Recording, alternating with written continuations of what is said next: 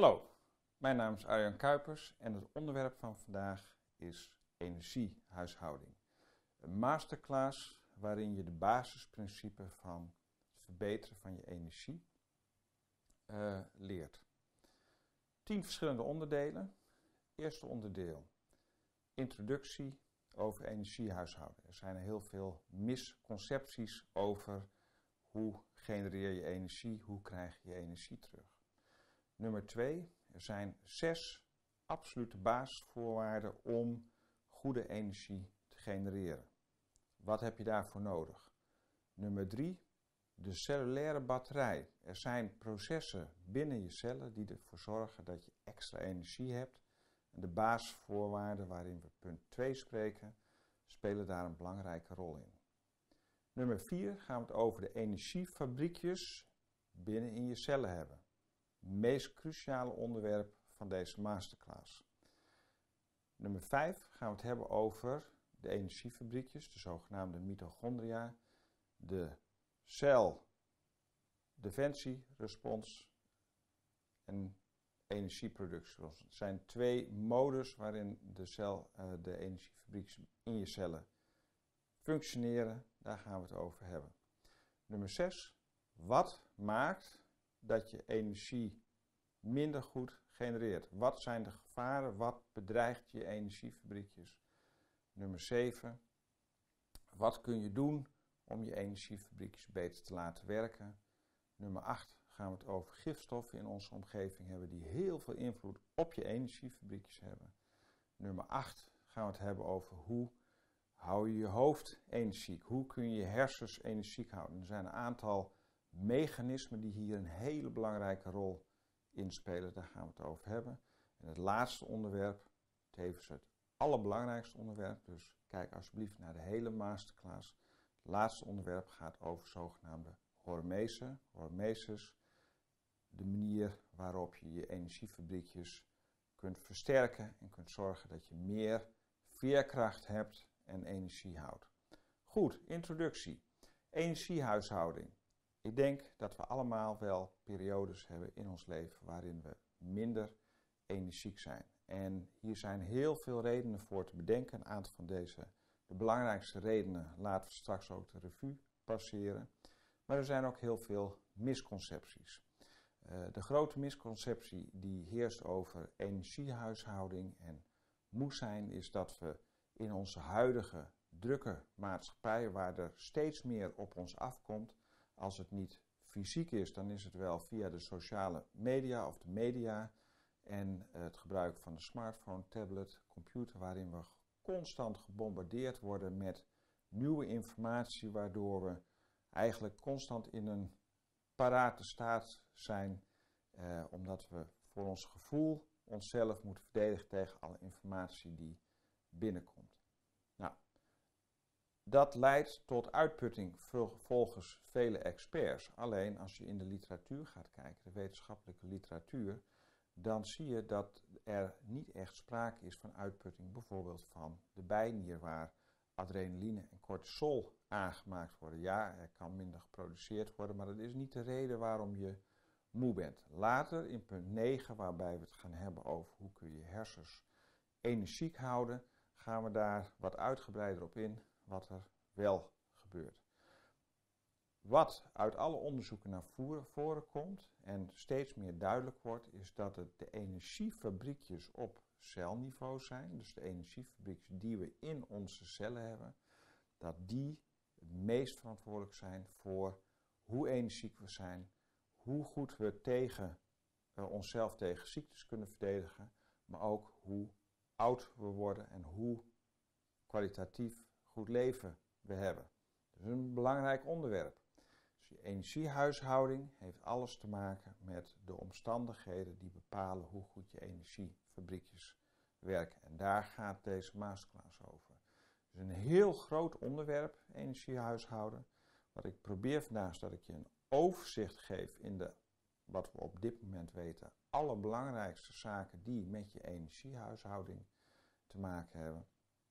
Als je naar deze video kijkt, als je naar deze masterclass kijkt, dan is het waarschijnlijk zo dat je energie waarschijnlijk niet optimaal is, in ieder geval beter kan zijn. Uh, we weten dat als naarmate je ouder wordt, dat bij de meeste mensen, als je daar verder niks uh, voor doet, en je, hebt een, je leeft je leven zoals het is, je doet geen extra dingen, dat de energiehuishouding langzaam achteruit gaat. Straks vertel ik daar wat meer over. We weten letterlijk dat de energiefabriekjes in je cel, als je tussen de 0 en de 20 bent, uh, de hoeveelheden er bij de gemiddelde persoon heel anders uitzien als bij de persoon tussen de 40 en de 70. Het goede nieuws is, dat we ook uit onderzoek geleerd hebben, is dat je daar wel degelijk wat aan kunt doen. En dat je tot op zeer hoge leeftijd heel energiek kunt zijn. Maar er zijn wel een aantal voorwaarden voor. Nou, dat was punt 1. Punt nummer 2. Een aantal basisvoorwaarden voor goede energie komen steeds weer terug. We hebben al een aantal masterclasses gehad. Ik heb daar ook over verteld van een van de basisvoorwaarden om je hersens goed te laten werken, en dat geldt voor de rest van je lichaam ook, is nummer 1 zuurstof. Nummer 2 suikerhuishouding, hebben we het al over gehad in de 10 punten waarmee je hersenfunctie kunt verbeteren. Nummer 3, het activeren van je lichaam, het activeren van je houdingsapparaat, met name voor de hersenen, uitermate belangrijk, maar ook voor alle andere cellen in je lichaam. Straks vertel ik daar ook wat meer over wat dat doet op celniveau in de energiefabriekjes. Genoeg slaap, uitermate belangrijk. Ook die energiefabriekjes die zijn, uh, die blijken gewoon heel kwetsbaar te zijn voor allerlei invloeden. Slaap speelt daar ook in, in de herstelfase. De energiefabriekjes op celniveau die horen door herstel- en opbouwfases te gaan. Het zijn die dagelijkse ritmes. Um, slaap, het drinken van water, en straks kom ik daar uitgebreid op, water en licht, het volgende element. En dan hebben we zes elementen die heel belangrijk zijn. Nou, waarom water en licht extra belangrijk zijn, kom ik in het volgende punt uitgebreid op terug. Uh, maar zuurstofhuishouding, suikerspiegel, bloedsuikerspiegel, activering van het bewegingsapparaat, het rechtopstaand gebruiken van je lichaam, ook al is dat als je last hebt van je rug of na een herseninfarct, na hoofdtrauma, is dat niet het makkelijkste. Is wel heel belangrijk om je lichaam en je hersenen optimaal te stimuleren. Slaap minimaal tussen de 7 en de 8 uur. We hebben al een slaapmasterclass gehad. Kijk daar alsjeblieft naar, want daar is veel waardevolle informatie te vinden over hoe je je slaap kunt optimaliseren. Het drinken van schoon water, dus echt schoon water, niet per se het water wat uit de kraan komt, want daar zitten toch uh, tot op zekere hoogte vervuilingen in. En licht. Dat is ook iets wat eigenlijk vrij recent is, uh, is dat licht heel belangrijk voor ons is. En het volgen van uh, het natuurlijke lichtritme, dus het natuurlijke dagritme, het zogenaamde bioritme, omdat te volgen heeft heel veel consequenties, goede consequenties voor je hersenen, maar eigenlijk voor elke cel. En dat brengt me eigenlijk bij punt nummer drie gelijk, je cellulaire batterij. Dat wil zeggen, is je energieproductie op celniveau. De energiefabriekjes binnen in je cellen, en daar kom ik op het volgende punt uitgebreid op terug, die maken energie, zogenaamde ATP, waarbij je alle processen in het lichaam uh, van energie kunt voorzien. Zonder die ATP-productie, de adenosine trifosfaatproductie, uh, wat omgezet wordt in AMP en uh, monoversie daarvan, hou je het niet lang vol. Zonder de energiefabriekjes hou je het helemaal niet vol en ben je gelijk, functioneert niks meer en ben je er gewoon niet meer. Nou, die energieproductie die vindt plaats omdat er suiker aanwezig is, er zijn vetten aanwezig en er zijn eiwitten aanwezig om de structuren binnen de energiefabriek en binnen de cellen op te bouwen. Dus dat zijn een aantal basisvoorwaarden uh, in je voeding. En daar werken die energiefabriekjes op. Heel lang dachten we dat deze energieproductie dat dat de enige vorm was van het genereren van energie in je lichaam. Nou blijkt dat deze energieproductie weliswaar heel cruciaal is, omdat die ATP heel specifiek, uh, brandstof is voor heel veel processen in ons lichaam. Maar als dat het enige was, eh, om zeg maar, energie te genereren voor alle processen in ons lichaam, dan blijkt dat dat niet voldoende is. Dat eh, we veel meer energie nodig hebben. Nou, in een vorige uh, masterclass heb ik, ben ik er eigenlijk al op ingegaan. Zogenaamde vierde element van water. Water blijkt een vierde element te hebben. Naast gas, vloeibare vorm, solide vorm, blijkt er een soort kristalline vorm te zijn tussen vloeibaar en solide in. De zogenaamde exclusiezone water. En de exclusiezone water, dat is water wat zich naast een hydrofiele, een waterminnende uh, uh, afgrenzing, een celwand bijvoorbeeld, of een vaatwand bevindt. Water wat zich tegen de celwand of vaatwand bevindt, heeft een andere kwaliteit dan de rest van het water in het lichaam en heeft een meer negatieve lading. En die negatieve lading, het verschil tussen gewoon water in de rest van het lichaam, wat de rest van de ruimte opvult. Nou, we hebben ook geleerd in de vorige masterclass dat een groot deel van je lichaam uit water bestaat. 60 tot 70 procent. Als je een kind bent, meer. Als je wat ouder bent, wat minder. Maar dat verschil tussen dat exclusiezonewater en dat gewone water zorgt dat er een ladingsverschil is, een positief en min. En je krijgt een soort accu-effect. Nou, blijkt dat heel veel energie in ons lichaam en op celniveau wat we nodig hebben, waarvoor geen ATP nodig is, dat dat gegenereerd wordt doordat dat exclusiezonewater aanwezig is. Een heel belangrijk concept, want het betekent dat water, wisten we al dat het heel belangrijk was. Nu snappen we dat het nog belangrijker is. En er zijn een aantal manieren om dat, om dat goede water, dat zogenaamde exclusiezonewater, uh, binnen te krijgen. Nou, de belangrijkste manier om dat uh, te doen is het eten van heel veel groenten. Minimaal 60% van wat je binnenkrijgt hoor, hoort in de vorm van groenten uh, te gebeuren. Niet alleen haal je daar je koolhydraten uit en geen geraffineerde suikers of uh, gefabriceerd voedsel. Nee, je haalt dat uit echt voedsel, echte groenten die je zelf klaarmaakt. Wat klaargemaakt is, daar zit een groot deel van de voedingswaarde en de energiewaarde zit daar gewoon niet meer in. Heel belangrijk concept.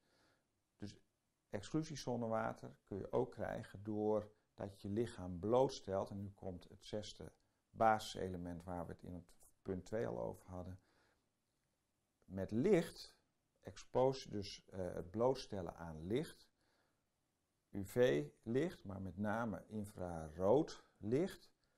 En die combinatie met dat water wat tegen die celwand, tegen die biologische wanden, dus die waterminnende wanden aanzit, dat maakt dat de exclusiezone nog groter wordt, de negatieve lading groter en het potentiaalverschil tussen de rest van het water in het lichaam of in de cel en het water wat zich langs die celwanden bevindt, wordt groter en daardoor wordt je accu sterker en genereer je meer energie.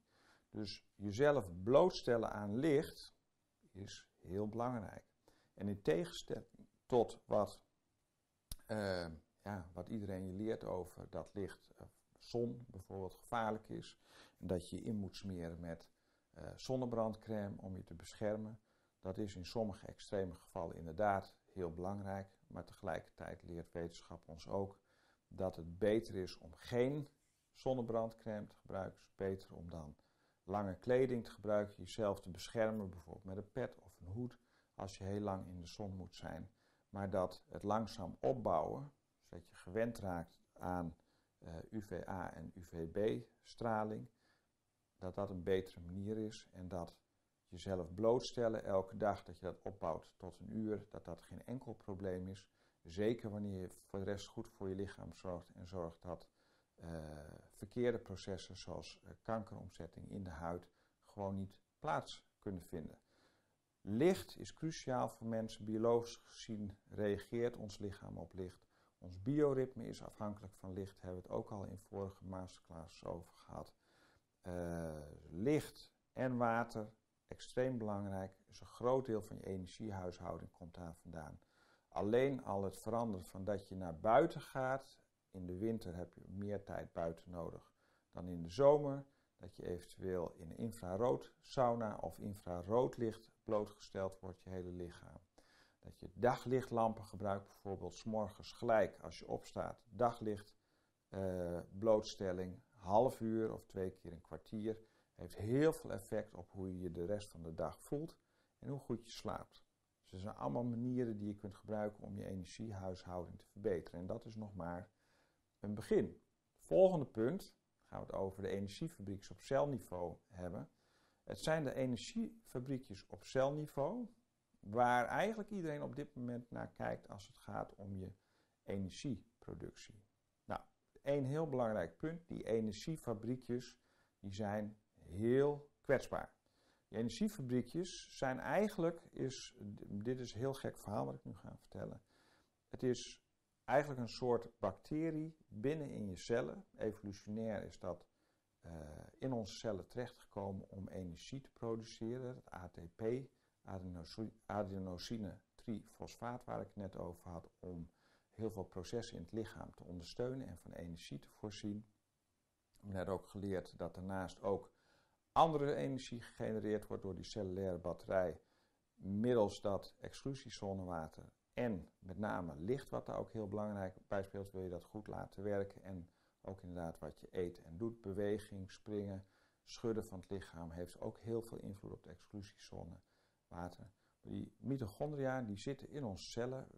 Elke cel heeft er een paar honderd tot wel duizend, sommige mensen 2000.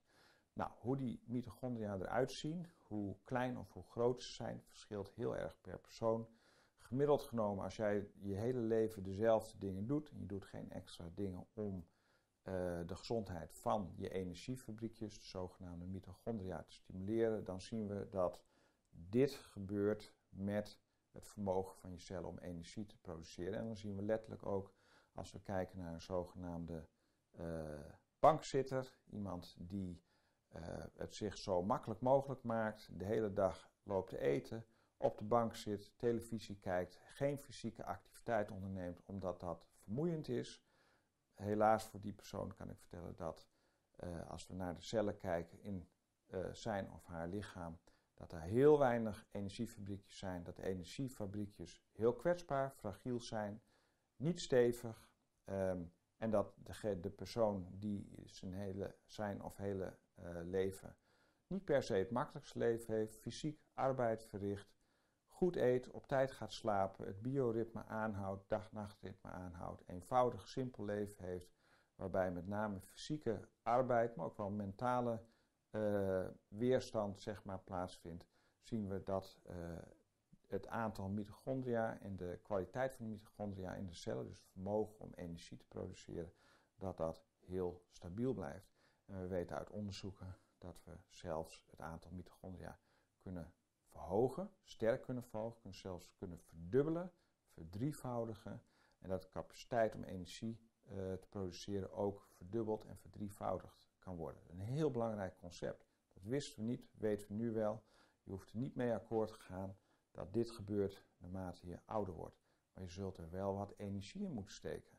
Niet alleen om factoren weg te halen die je energiefabriekjes negatief beïnvloeden, maar ook om uh, dingen te doen, activiteiten te ondernemen om de energiefabriekjes sterker te maken. Nou, daar komen we later op terug.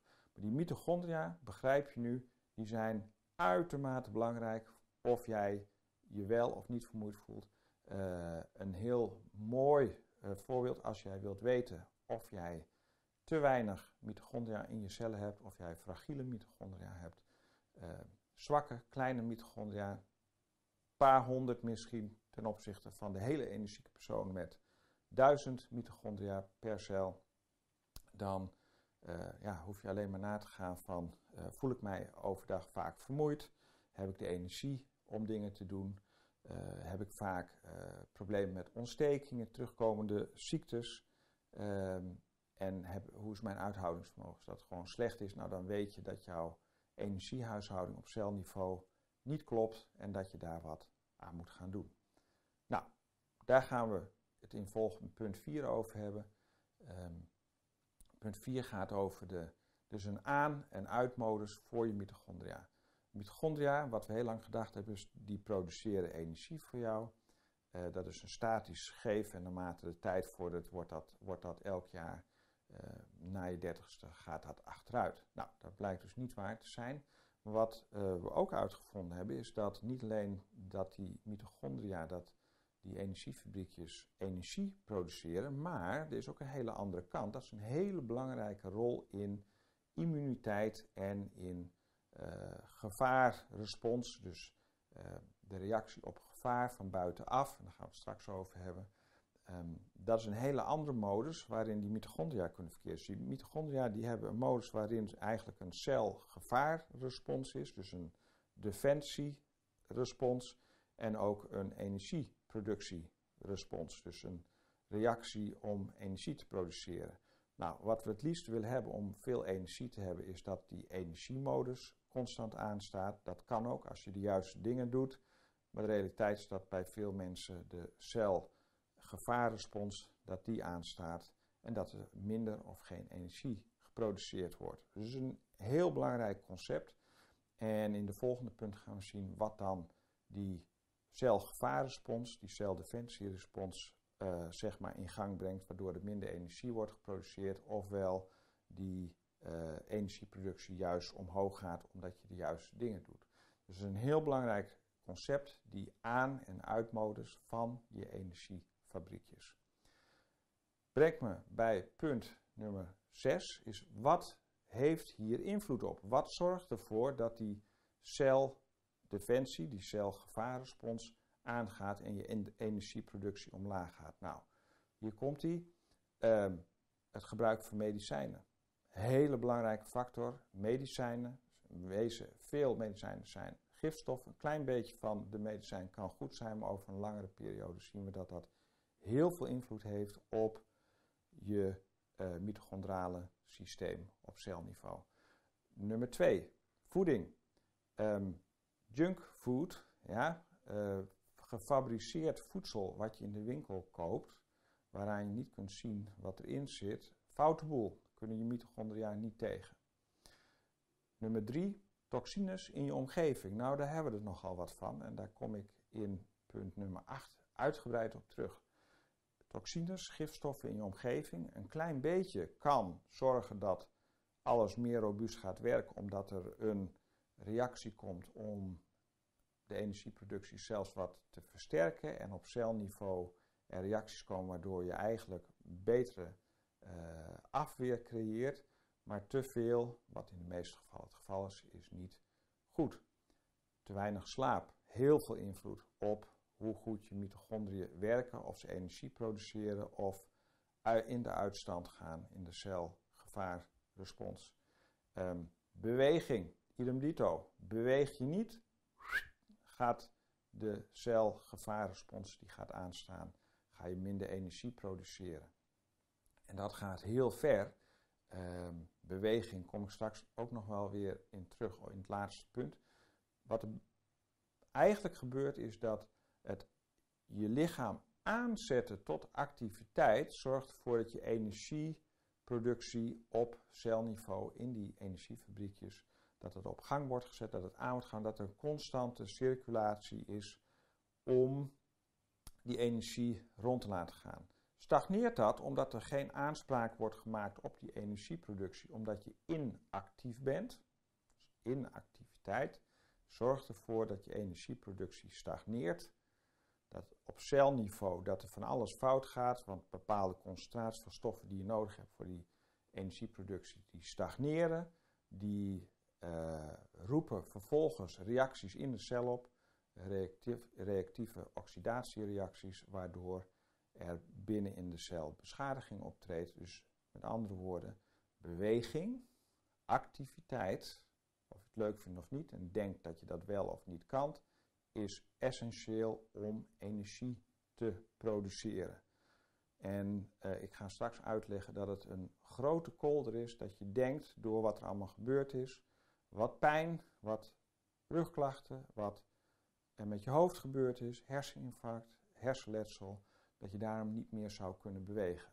Dus juist het meest cruciale punt is dat je binnen de grenzen die jij hebt, binnen het vermogen om dat te kunnen doen, dat je dat weer op gang gaat brengen. Want dat is de enige manier om weer energie te krijgen. En als je denkt dat jij dat niet kunt, dan heb je het mis. Want er zijn genoeg mensen die in jouw situatie hebben gezeten, die het wel hebben gedaan. Dat zeg ik niet uit vervelendigheid, dat zeg ik puur om te voorkomen dat je denkt, dit geldt niet voor mij, ik ben in een te slechte situatie, ik kan dat niet doen. Dan heb je het mis, het kan wel en het is zelfs essentieel om uit die situatie te komen, dat je dat langzaam weer gaat introduceren. En daar ga ik het straks over hebben, want er zijn mechanismes waar je zelf, als je bij zeker niet in beweging kunt komen, die energiefabriekjes weer robuuster kunt maken, beter kunt laten werken, meer veerkracht kunt laten hebben. Nou, volgende punt waar die mitochondria heel gevoelig voor zijn, uh, naast gifstoffen, beweging, slaap, zuurstof, waar we het in punt nummer 2 al over gehad hebben, suikerhuishouding, uh, is stress. Stress heeft zeer negatieve invloed op de stabiliteit van je energiefabriekjes.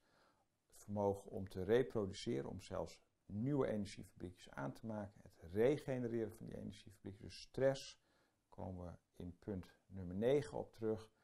Wil je absoluut vermijden of in ieder geval dingen doen waardoor je stress beter kunt handelen. En dan kom ik op die punt 10, komen we daar ook nog weer een keer uh, op terug. Laatste punt wat ik wil noemen is dat het essentieel is dat je je bioritme volgt. Je energiefabriekjes zijn afhankelijk van een goed bioritme. Dat wil zeggen, als jij elke dag niet op dezelfde tijd naar bed gaat, niet op dezelfde tijd opstaat, dat je je energiehuishouding in gevaar brengt. Ben jij, en dat is misschien vervelend dat ik dit ga zeggen, iemand die onregelmatig werkt, idem dito. Dan zul je heel veel andere dingen moeten doen om dat te compenseren. Nou, ik denk dat je al begint te zien dat je energiehuishouding heel kwetsbaar is en dat er heel veel factoren zijn waar jij misschien mee te maken hebt die daar invloed op hebben. Nou, wat kun je doen om die energiehuishouding te verbeteren? Dan draaien we het om. Nummer 1 zorg je dan dat de basisvoorwaarden voor die energiehuishouding, goede zuurstof, dus ademhaling, kom ik uitgebreid op terug in punt 10. Dan ga ik je ook leren van wat je in je ademhaling al kunt doen om die energiefabriekjes te verbeteren. Het volgen van die dag-nachtritme, je bioritme. Dus gemiddeld genomen horen mensen rond 10 uur s'avonds naar bed te gaan, 6 uur op te staan. Ongeacht of je denkt dat je dat wel of niet kunt doen, blijkt dat natuurvolkeren dat allemaal, dat ritme volgen. Niet omdat het moet, maar gewoon omdat het lichaam dat dicteert. En omdat er geen kunstmatig licht blootstelling plaatsvindt. Voeding, heel essentieel. Uh, zorg ervoor dat alle voeding die je binnenkrijgt zoveel mogelijk biologisch is. Vlees wat je eet organisch is. Dat er heel weinig geneesmiddelen gebruikt zijn om dat vlees groot te laten worden. Um, zorg dat groenten het grootste deel van je dieet uitmaken. Met name de groene bladgroenten en groenten als broccoli, bloemkool. Zijn uh, bieten ook heel belangrijk. Zorg dat er veel gevarieerd voedsel op tafel komt met veel verschillende kleuren. Geraffineerde producten als suikers absoluut weglaten uit dieet. Suiker blijkt de pest te zijn voor je energiefabriekjes. Suiker is waarschijnlijk nog slechter voor je energiefabriekjes dan veel medicatie. Je hoort het goed. Geraffineerde suikers, die je bijvoorbeeld vindt in frisdranken, maar ook in heel veel vruchtensappen, zijn absoluut de pest. Net als dat geraffineerde meelproducten dat zijn. Maar dat valt voor mij allemaal onder gefabriceerd voedsel. Um, allergieën voorkomen. Vind uit of je allergisch of overgevoelig bent voor bepaalde voedingsstoffen. Heel belangrijk. Daar reageren je energiefabriekjes uh, weer op. Zorg ervoor dat je gifstoffen uit je omgeving weghaalt. En dan kom ik straks in het volgende punt ook uitgebreid op terug. Nou, er zijn een aantal andere dingen die je kunt doen om je cellen te repareren. En we hebben het hier eerder over gehad. Als je een dag-nachtritme, je bioritme volgt, dan betekent dat nummer 1 dat je niet je hele dag uh, aan het eten bent. Uh, het liefst heb je maar een bepaald gedeelte van de dag waarop je eet. Je begint bijvoorbeeld 9 uur of 10 uur s ochtends pas met het eerste eten. Je stopt om 6 of 7 uur, zodat je voldoende tijd hebt om het eten wat je binnen hebt gekregen, om dat te verwerken in je lichaam. Ons lichaam is gemaakt om niet de hele dag te eten. Ons lichaam heeft periodes nodig waarin er gevast wordt, zodat we op kunnen bouwen en kunnen repareren. En met name die reparatiefase is heel belangrijk. En er is bepaald voedsel wat je nodig hebt om die reparatie goed uit te kunnen voeren. Met name uh, onverzadigde vetzuren, omega-3 vetzuren, zogenaamde fosfolipiden, die we vinden bijvoorbeeld in krilolie. Essentieel voor de opbouw van je energiefabriekjes en het repareren van je energiefabriekjes. Voedsel als avocado's, eigeel, krilolie, uh, allerlei soorten schaaldieren, als je daar tegen kunt, zijn uitermate uh, goed voor je energiefabriekjes. Er zijn ook uh, supplementen als alpha-lipon, zuur en L-carnitine en methylsulfaten die een hele belangrijke rol spelen in je energiehuishouding. Het allerbelangrijkste is dat je, zoals we al eigenlijk in, in je tweede brein masterclass hebben verteld, dat je zorgt dat je de juiste dingen binnenkrijgt. Dat je de goede vetten in je dieet, dat die juist omhoog gegooid worden. Daar varen je mitochondriën wel bij. Uh, er is nog een andere stof, zogenaamde D-ribose. Dus D-ribose is een heel goedkoop supplement, wat een enorm belangrijke rol in je energiehuishouding speelt. Net als coenzym Q10, uh, bioquinon met een heel mooi woord. Uh, ook een hele belangrijk uh, stofje in die hele energiecyclus binnen in je energiesysteem, uh, waar je heel veel baat bij kunt hebben. Maar, dan kom ik straks in punt 10 toe, je kunt alle dingen in de wereld goed doen. Er zijn een aantal dingen die je absoluut moet doen, dat is wat ik net noem. en inderdaad het verwijderen van gifstoffen, waar we het zo over gaan hebben. Maar je zult jezelf bloot moeten stellen aan stressoren, dus dingen die moeite kosten in je omgeving. Je hoort goed, dus dingen die moeite kosten. En ik weet, onze maatschappij die is er helemaal op gericht om het ons zo comfortabel en makkelijk te maken. Maar dat brengt juist met zich mee dat je energiefabriekjes het af laten weten, zwak uh, en fragiel worden en dat je geen energie meer over hebt. En ik denk dat je nu begint te zien van hoe het kan dat je je moe voelt terwijl je geen gekke dingen doet jezelf niet blootstelt aan extreme, misschien zelfs goed eet, goed slaapt, de juiste basisvoorwaarden hebt, maar je nog steeds moe voelt. Nou, daar is een reden voor en daar komen we zo in de volgende punt op terug. Punt nummer 8. Gifstoffen in onze omgeving. Hele belangrijke factor. Waarom? Uh, we hebben allerlei mechanismen in ons lichaam om gifstoffen kwijt te raken. Uh, je lever, uh, via de nieren, via je huid, heel belangrijk, via je ademhaling. Maar als we kijken in de literatuur zien we gewoon dat als we kijken wat er in de afgelopen 100 jaar is gebeurd, dat de mate waarin we nu blootgesteld zijn aan gifstoffen zoveel groter is dan het ooit geweest is, uh, dat we simpelweg niet voldoende capaciteit hebben om van al deze gifstoffen af te komen.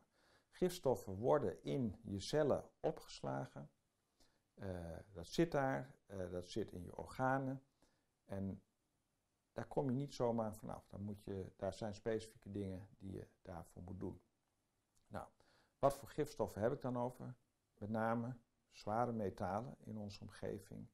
Ja, zware metalen, wat de overheid zorgt wel dat we niet veel gifstoffen in onze omgeving hebben. Nou, daar heb je toch enigszins fout, want in al uh, om de, spullen die we gebruiken in de keuken, uh, waar we spullen in bewaren, in onze kleding, in onze auto, buiten in de lucht en in ons water zitten heel veel gifstoffen en het worden er steeds meer. Zware metalen zijn misschien wel de belangrijkste vervuiler van ons lichaam. Uh, denk bijvoorbeeld aan de gassen uit auto's, gassen afkomstig van industrie. Daar zitten heel veel zware, hele kleine, zware metaal deeltjes in. In ons water zit metaaldeeltjes, ook al wordt is bijvoorbeeld in Nederland en België het water relatief heel gezond. Er zitten nog steeds sporen in van gifstoffen. Zware metalen, maar ook medicatie, chloor, fluor soms. En dat is niet goed voor ons lichaam. Dat zijn gifstoffen die uiteindelijk kankerverwekkend kunnen zijn, die ontstekingen in de hand werken en uh, bijvoorbeeld astma op kunnen leveren, huidproblemen, maar met name vermoeidheid. Al deze gifstoffen hebben invloed op jouw energiehuishouding. Jouw energiefabriekjes, de mitochondria, kunnen daar niet tegen. Die gaan in celdefensie, celgevaarrespons, produceren geen energie meer. Als jij veel gifstoffen in je lijf hebt opgebouwd en het stapelt zich dus op, daar wordt geen rekening mee gehouden. De interactie tussen de verschillende gifstoffen wordt geen rekening mee gehouden. Nou, zware metalen, heel belangrijk. Heel veel kleurstoffen. Als je kijkt naar bijvoorbeeld witte producten die je dagelijks gebruikt, daar zitten heel veel metaalverbindingen in. Als je kijkt naar de cosmetica die we gebruiken op dagelijkse basis, daar zitten heel veel zware metalen in. Eentje wil ik daarvan noemen, aluminium. Als je één hele ernstig giftige stof uit je leven weg wilt halen, dan stop je met het gebruik van deodorant je standaard koopt. In de meeste deodoranten zitten aluminiumverbindingen in die extreem giftig voor je lijf zijn. En als dat het enige was wat je zou gebruiken en je lichaam werkt optimaal, je zorgt ervoor dat alle voorwaarden perfect zijn, dan is dat nog steeds geen probleem. Want de realiteit is dat we niet alleen deodorant gebruiken, maar dat we blootgesteld worden aan allerlei gifstoffen op dagelijkse basis. Deodorant is daar belangrijk mee, maar er zijn ook deodorantvormen, eh, organische deodorant of deodorant die anders gemaakt wordt waar geen aluminiumverbindingen in zitten. Dus uiter, uitermate belangrijk om dat te veranderen. Net als het gebruik van aluminiumfolie. Eén keer is niet zo erg, maar op dagelijkse basis. Stop ermee, het is ongezond. Er komen toch kleine hoeveelheden aluminium- en metaaldeeltjes vanaf. Dus gewoon niet goed voor je. Uh, heel veel witte producten, zei ik al, zitten ook metaalverbindingen in. Cosmetica die je gebruikt zit zelfs, sommige cosmetica zit arsenicum in en ook andere metaalverbindingen die allemaal giftig voor je lichaam zijn. En ik zeg dit niet om je bang te maken, maar wel om je bewust te maken dat niet alleen dat je je leefstijl zult moeten opwaarderen zodat je hiermee kunt dealen, dus dat je uh, een tegeneffect geeft waardoor afvalstoffen en toxines ook afgevoerd kunnen worden, maar ook om je bewust te maken dat dit ontiegelijk veel effect op je energiehuishouding heeft. Nou, volgende punt naast die metalen zijn plastics. Alle plastic is niet goed voor je. En waarom is dat? Bijna alle plastic heeft zogenaamde BPA, bisphenol uh, A, in zich. Dat verdikt het plastic, verhardt het plastic. Uh, vervangers van bisphenol A, dat klinkt heel leuk, maar die zijn vaak nog giftiger dan bisphenol A. Heeft veel invloed op je hormoonhuishouding, net als de ftalaten, wat ook uh, in je plastic zit. Uh, om plastic meer kneedbaar te maken. Bijvoorbeeld het drinken van water uit plastic flesjes, heb ik het al eerder over gehad. Niet een goed idee. Glas of um, staal, roestvrij staal, is de manier om je water tot je te nemen. Nou, plastics, heel erg mee oppassen. Liefst niet als je dingen bewaart, doe het dan in een glascontainer of in een glazen bak. Veel beter. Of in een glazen fles. Niet in plastic. Nou, je kunt nagaan, bijvoorbeeld vleeswaren, eten wat je in de koelkast bewaart, wat je in de vriezer doet, zit allemaal in plastic. Niet een goed idee als we de wetenschappers moeten geloven. Water, drink gefilterd water, niet uit een flesje. Uh, kraanwater één keer is niet erg, maar als je altijd veel kraanwater drinkt, niet een goed idee. Daar zitten restanten van medicatie in, uh, waar ja, je hormoonhuishouding, waar je energiefabriekjes ernstig door beïnvloed worden. Um, wat misschien wat onlogisch lijkt, is dat misschien de ernstige vervuiling die je kunt hebben in je, in, in je leven, uh, is geestelijke vervuiling. Stress, uh, gebeurtenissen die plaats hebben gevonden, die niet verwerkt zijn, vervuilen ook je lichaam. Met name je hersenen, kom ik straks in punt nummer 9 op toe. Daar zul je ook wat aan moeten doen. Dus traumaverwerking, het verwerken van vervelende gebeurtenissen in je leven, uh, kan een enorme barrière ook voor je energieproductie opleveren. Nou, wat doe je met die toxines? Eigenlijk hetzelfde als wat ik net al in punt 7 genoemd heb. Um, je zorgt ervoor dat je schoon water binnenkrijgt. Je kunt luchtfilters in je huis, dus dat om de luchtvervuiling weg te filteren. Ehm, bewust zijn dat als jij een matras koopt, dat je een matras moet kopen waar weinig vervuiling vanaf komt. nieuwe meubels, nieuw huis, allemaal, ja, kan zelfs radon vrijkomen, een giftig gas uit bouwmateriaal. Wees je ervan bewust dat dit allemaal opstapelt. En dat je dat zoveel mogelijk zou moeten vermijden. Dus nieuwe meubels niet gelijk in de kamer zetten. Nou, je weet zelf wel, als je dingen ruikt, of een nieuwe auto, er zit ook heel veel plastic, uh, chemicaliën die toxisch voor ons lichaam zijn. En het is niet alleen dat, maar het is al die andere gifstoffen ook die je in je leven hebt. Hou daar rekening mee. Vermijd ze. Uh, pannen waarin je kookt, zorg dat het geen teflon coated pannen zijn. Enorm giftig voor je lichaam. Vroeg of laat krijg je dat binnen. Je krijgt het binnen. Als een pan slechter wordt, ouder wordt, krijg je er steeds meer van binnen. Niet een goed idee. Pannen die uit uh, in Azië gefabriceerd worden, vaak zitten daar, al zijn keramische pannen, zijn er loodverbindingen die vrij kunnen komen. Vervang het voor pannen die niet toxisch zijn. Bijvoorbeeld Green Pan maakt pannen die een niet-toxische coating hebben en die er ook tegen kunnen dat je er met metaal in omroert. Allemaal hele uh, belangrijke dingen waar je je bewust van moet worden, wil je je energiehuishouding opvoeren. En voor veel mensen zijn er heel veel factoren die uh, ervoor zorgen dat die vermoeidheid optreedt. En soms is het inderdaad alleen dit toxische aspect of inderdaad uh, het niet jezelf blootstellen aan stressoren in je leven, wat maakt dat je langzaam je vermogen om weerstand te bieden aan wat er op je afkomt. of dat dan ziektes zijn, of dat immuunproblemen zijn, geestelijke stressoren of fysieke stressoren. Uh, als jij niet zorgt dat jij je energieproductie heel sterk en robuust houdt, dan verlies je steeds meer en wordt de wereld steeds kleiner, kun je steeds minder doen, word je steeds fragieler en kun je geen weerstand meer bieden aan stressoren die andere mensen wel kunnen hebben. En dat heeft alles met leefstijl te maken.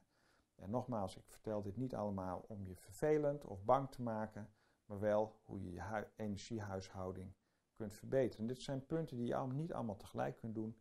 Je kunt dit één voor één kun je dit opbouwen.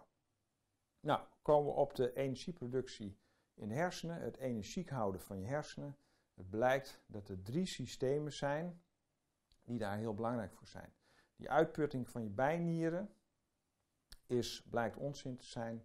Uh, er is een verbinding tussen je hoofd, tussen de hypothalamus, de uh, pituitary, de, de pijnappelklier en de bijnier. Dat is een as, een as tussen de diepe lagen van de hersenen en je bijnieren, wat ook heel erg gedreven wordt door het sympathische, het vluchtsysteem wat je hebt. Een onderdeel van het autonome zenuwstelsel. Die as, de zogenaamde HPA-as, die blijkt inderdaad wel een hele belangrijke rol te spelen in je energiehuishouding. Met name wordt die nogal geactiveerd wanneer er stresssituaties zijn. En dan worden stresshormonen vrijgemaakt om te zorgen dat je lichaam klaar is voor een vlucht of een verdedigings reactie. En dat is helemaal niet erg als dat korte periodes gebeurt. Dat heeft functie. Er zijn periodes waarin je alert moet zijn, klaar moet zijn om je te verdedigen, klaar om activiteit uh, te ondernemen en daarna hoort dat weer rustig te worden. De realiteit is, is dat dit HPA-systeem, die hormoonas, dat die verbonden is aan je zogenaamde limbische systeem. Je limbisch systeem is een systeem wat zich heel diep in de hersenen bevindt, is een systeem wat ontwikkelt wat eigenlijk al aanwezig is als je geboren wordt, wat heel snel ontwikkelt. Primitief systeem, wat eigenlijk registreert of stress noodzakelijk is of niet noodzakelijk is. Nou, er zijn heel veel factoren die dat flink kunnen ontregelen, waardoor het stresssysteem steeds uh, beter getraind wordt, steeds vaker getriggerd wordt, waardoor die hormoonproductie die bij stresssituaties hoort, constant aangewakkerd wordt en uh, factoren als bijvoorbeeld jezelf blootstellen aan negatief nieuws. Dus nou, eigenlijk komt erop neer gewoon alle nieuws. Want het meeste nieuws is negatief. Uh, je met uh, mensen omgeven die altijd negatief zijn, waar het glas altijd half leeg is. Ehm, jezelf te veel onder druk zetten met wat je allemaal moet doen, omdat de omgeving dat van je verlangt. Inderdaad, niet alleen ehm, stress, mentale stress, maar ook fysieke stress. Ehm, vergis je niet, je fysiek uitputten, elke dag tot het uiterste gaan om te trainen, is net zo slecht als psychische stress. Letterlijk gaat je lichaam in de verdedigingsstand. Je sympathische, je vluchtsysteem blijft aanstaan, blijft aanstaan.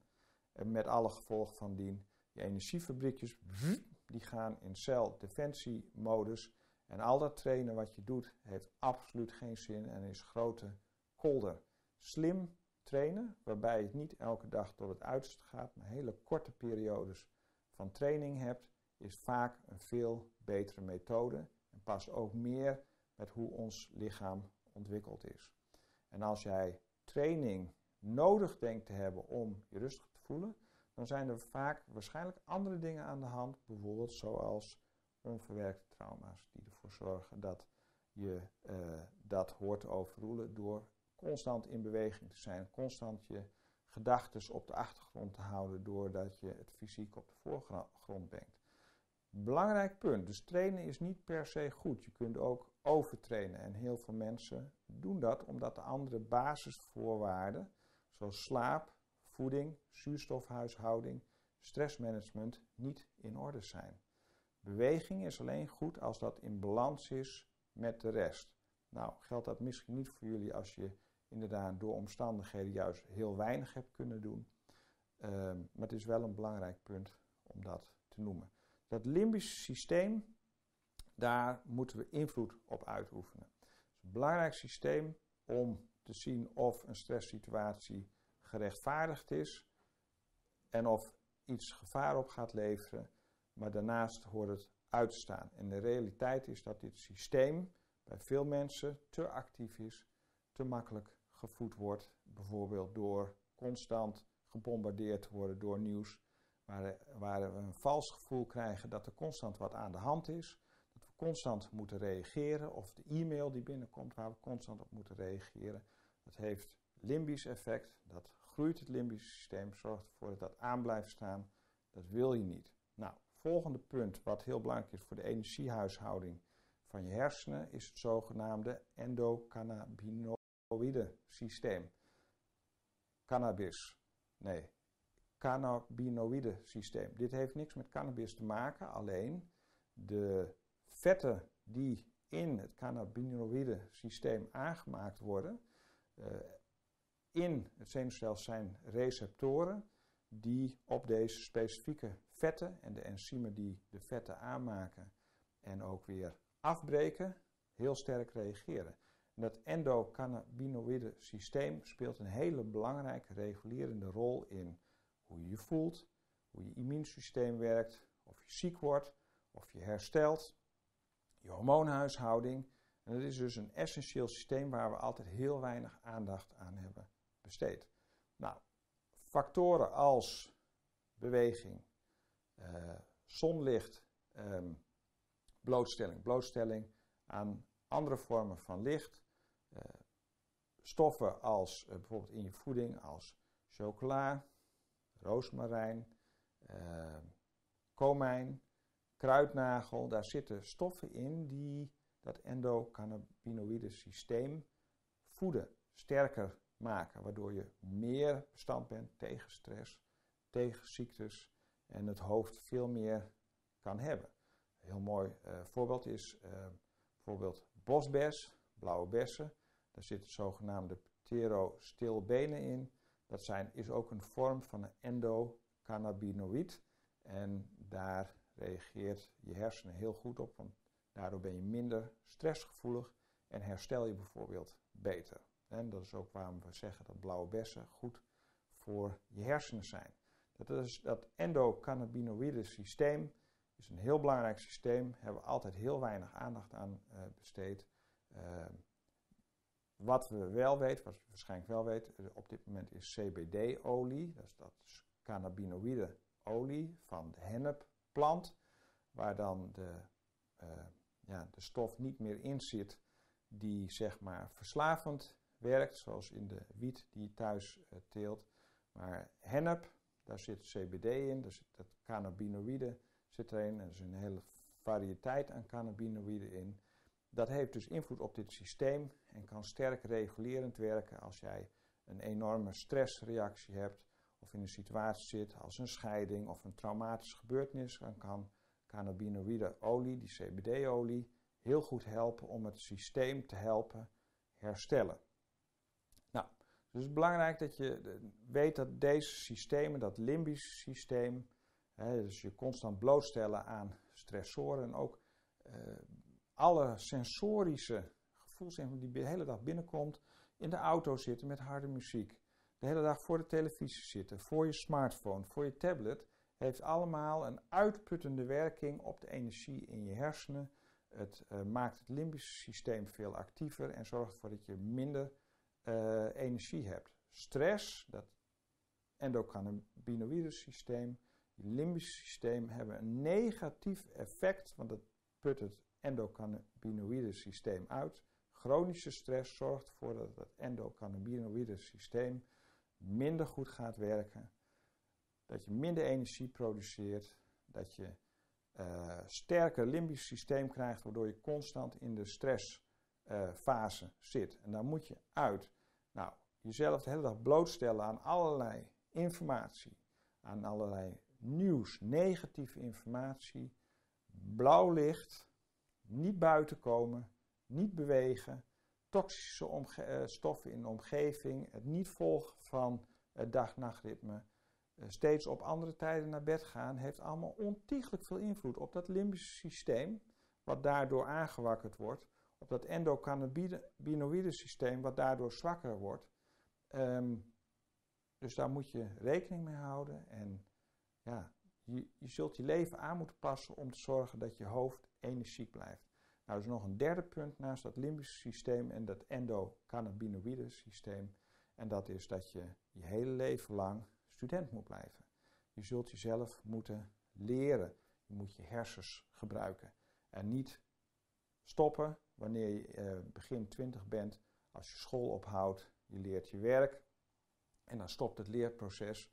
Je doet dezelfde dingen je leven lang. Nou, op dat moment, en dat kan in je 20 jaar al beginnen, zie je dat alles achteruit gaat. Met name de capaciteit van je hersenen om bijvoorbeeld met stress om te gaan, met nieuwe informatie, met de impulsen die van buiten afkomen, is afhankelijk van hoe robuust je je hersens maakt, hoe goed je jezelf bezighoudt, hoe goed je positieve, nieuwe, interessante dingen tot je neemt en je leven lang, zelfs tot op hoge leeftijd, blijft leren. En het is een fabeltje dat dat niet kan. Mensen die dat doen, die zichzelf aanleren om te blijven leren, om nieuwe dingen aan te leren, interessante dingen aan te leren, nieuwe gewoontes, niet altijd op dezelfde manier dingen te doen, zien we dat de hersenen verbeteren naarmate ze ouder wordt, terwijl bij de meesten de hersenen achteruit gaan. Dus als er één ding is leert uit deze masterclass, is dat je altijd student blijft. En het hoeft niet te zijn dat je naar school gaat, maar je kunt jezelf wel nieuwe dingen aanleren. Uh, leren dansen is heel krachtig voor je hersenen. Uh, zingen, nieuwe muziekstukken aanleren. Uh, lezen. Um, leergierig blijven. Documentaires bekijken. En je kunt een onderwerp kiezen wat je na aan het hart ligt om het interessant te houden. Maar blijf student, naast dat je al die andere factoren verandert. En dat brengt me bij het allerlaatste punt. Hormese. Wat is hormese? Hormese is het jezelf blootstellen aan lage graads uh, stressoren. Dingen die je normaal gesproken um, een uitdaging zijn. Uh, stress kunnen geven. Dus het jezelf blootstellen aan stressoren, aan een lage dosering stressoren, maar dat heel uh, opbouwen, dus dat kun je gefaseerd opbouwen, is de je hoort goed, is de belangrijkste factor om betere energiehuishouding te hebben. Dus je zult jezelf bloot moeten stellen aan dingen die potentieel wat minder plezierig zijn om een betere energiehuishouding te hebben. begrijp me niet verkeerd, dat betekent niet dat je gelijk als een gek moet gaan trainen of je lichaam moet gebruiken. Hormese, het jezelf blootstellen aan stressoren, aan lage dosering uh, stressoren, ooit uitgevonden door een Duitse onderzoeker. Die keek naar het effect van gifstoffen op schimmels als schoonmaakmiddel en zag dat een lage dosering schoonmaakmiddel de schimmels zelfs liet groeien. Nou, die hormese blijkt de belangrijkste factor te zijn om je energiehuishouding robuuster te maken. Ben jij een couch potato, een bankzitter, iemand die zichzelf steeds meer uh, makkelijk probeert te maken, omdat je denkt dat dat hoort bij deze moderne tijd? Uh, pech. Ons lichaam is biologisch gezien nog steeds een voedselzoeker, hunter-gatherer, iemand die in de natuur zijn eigen voedsel zoekt, uh, elke dag zichzelf blootstelt aan de elementen, genoeg slaap heeft, uh, niet altijd voldoende voedsel heeft, soms heel veel voedsel en soms heel weinig voedsel. Uh, fysieke arbeid intensief, laaggraads, afwisselend nodig heeft, blootgesteld wordt aan zon, aan kou, aan warmte. Dat is hoe wij biologisch nog steeds in elkaar zitten.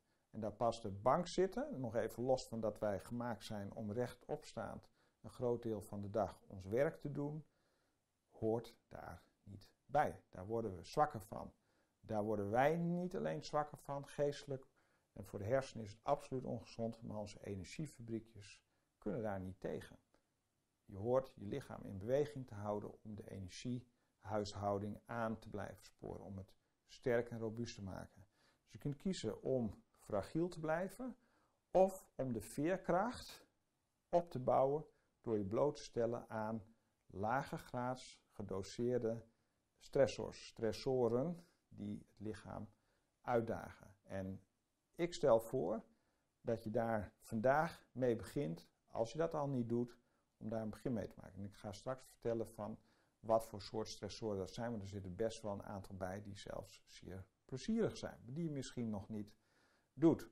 Dus, nummer 1, we kunnen onszelf niet helemaal buiten stress plaatsen. Ook al probeer je dat niet, dat lukt niet. Uh, de realiteit is zelfs dat als jij jezelf helemaal overal aan onttrekt en er gebeurt dan wat, dat je onderuit gaat, omdat je fragiel bent, je niks meer gewend bent. Het systeem is niet getraind, is niet sterk om die stressoren tegen te gaan. Betere methode is, is om de veerkracht op te bouwen, zodat je een robuust energieproducerend systeem hebt, je hersens robuuster zijn, zodat je de stressoren van buitenaf, of dat nou psychisch is of fysiek, veel beter te kunnen weerstaan. Nou, wat voor stressoren hebben we het dan aan? Er zijn steeds korte periodes die, dat je dat doet. Uh, beweging is eentje, maar waarschijnlijk ben je in een situatie waarin beweging helemaal niet zo goede stressor is, omdat dat andere gevolgen met zich meebrengt. Of eenvoudig uh, gezegd, niet lukt omdat je hoofd beschadigd is, of omdat je een herseninfarct gehad hebt, uh, of omdat je lichaam het af laat weten en je rug of je nek het allemaal niet meer zo goed doen, je veel artrose hebt. Dat zijn andere dingen die je kunt doen. Hormese, dus jezelf blootstellen aan stressoren en dat gedoseerd maar wel op dagelijkse basis. Dat kan in de vorm van dat je in zonlicht zit. UV-straling op je huid is een stressor. Doen we ook niet te lang, doen een korte periode. Infrarood, heel heel belangrijk. Infrarood heeft de sterkste invloed op die energiefabriekjes op celniveau. Infraroodlicht zit ook in daglicht. Uh, maar je kunt ook infraroodlamp gebruiken of infrarood sauna.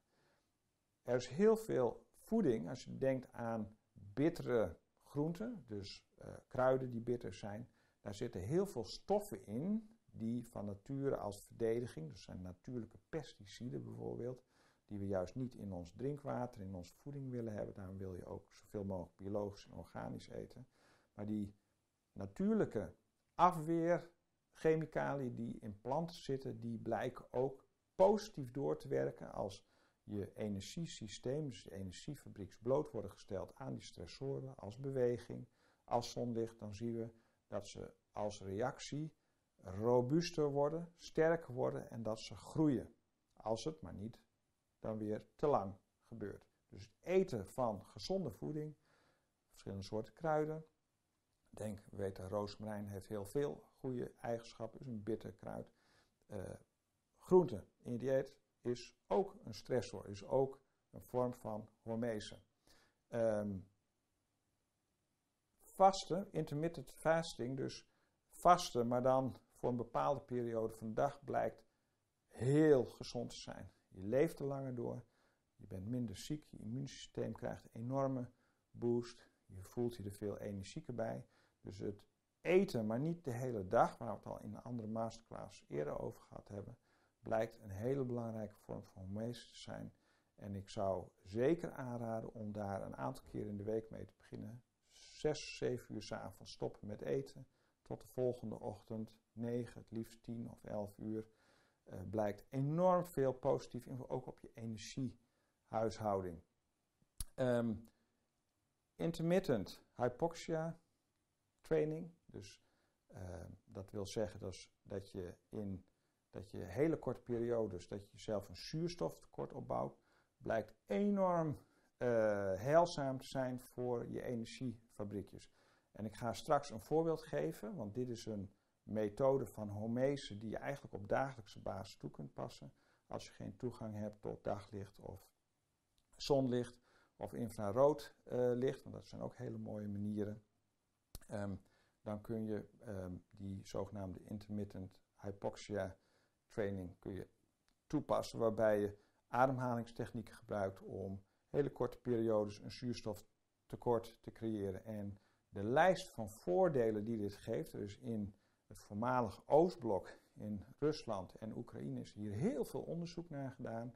En het blijkt dat het effect uh, gaat van dat je langer leeft, minder ziek bent, immuunsysteem geboost wordt, je longen beter gaan werken, dat je van je astma af kunt komen, dat vrouwen zelfs beter zwanger worden en uh, de zwangerschappen die normaal afgebroken worden, dat ze die door kunnen zitten.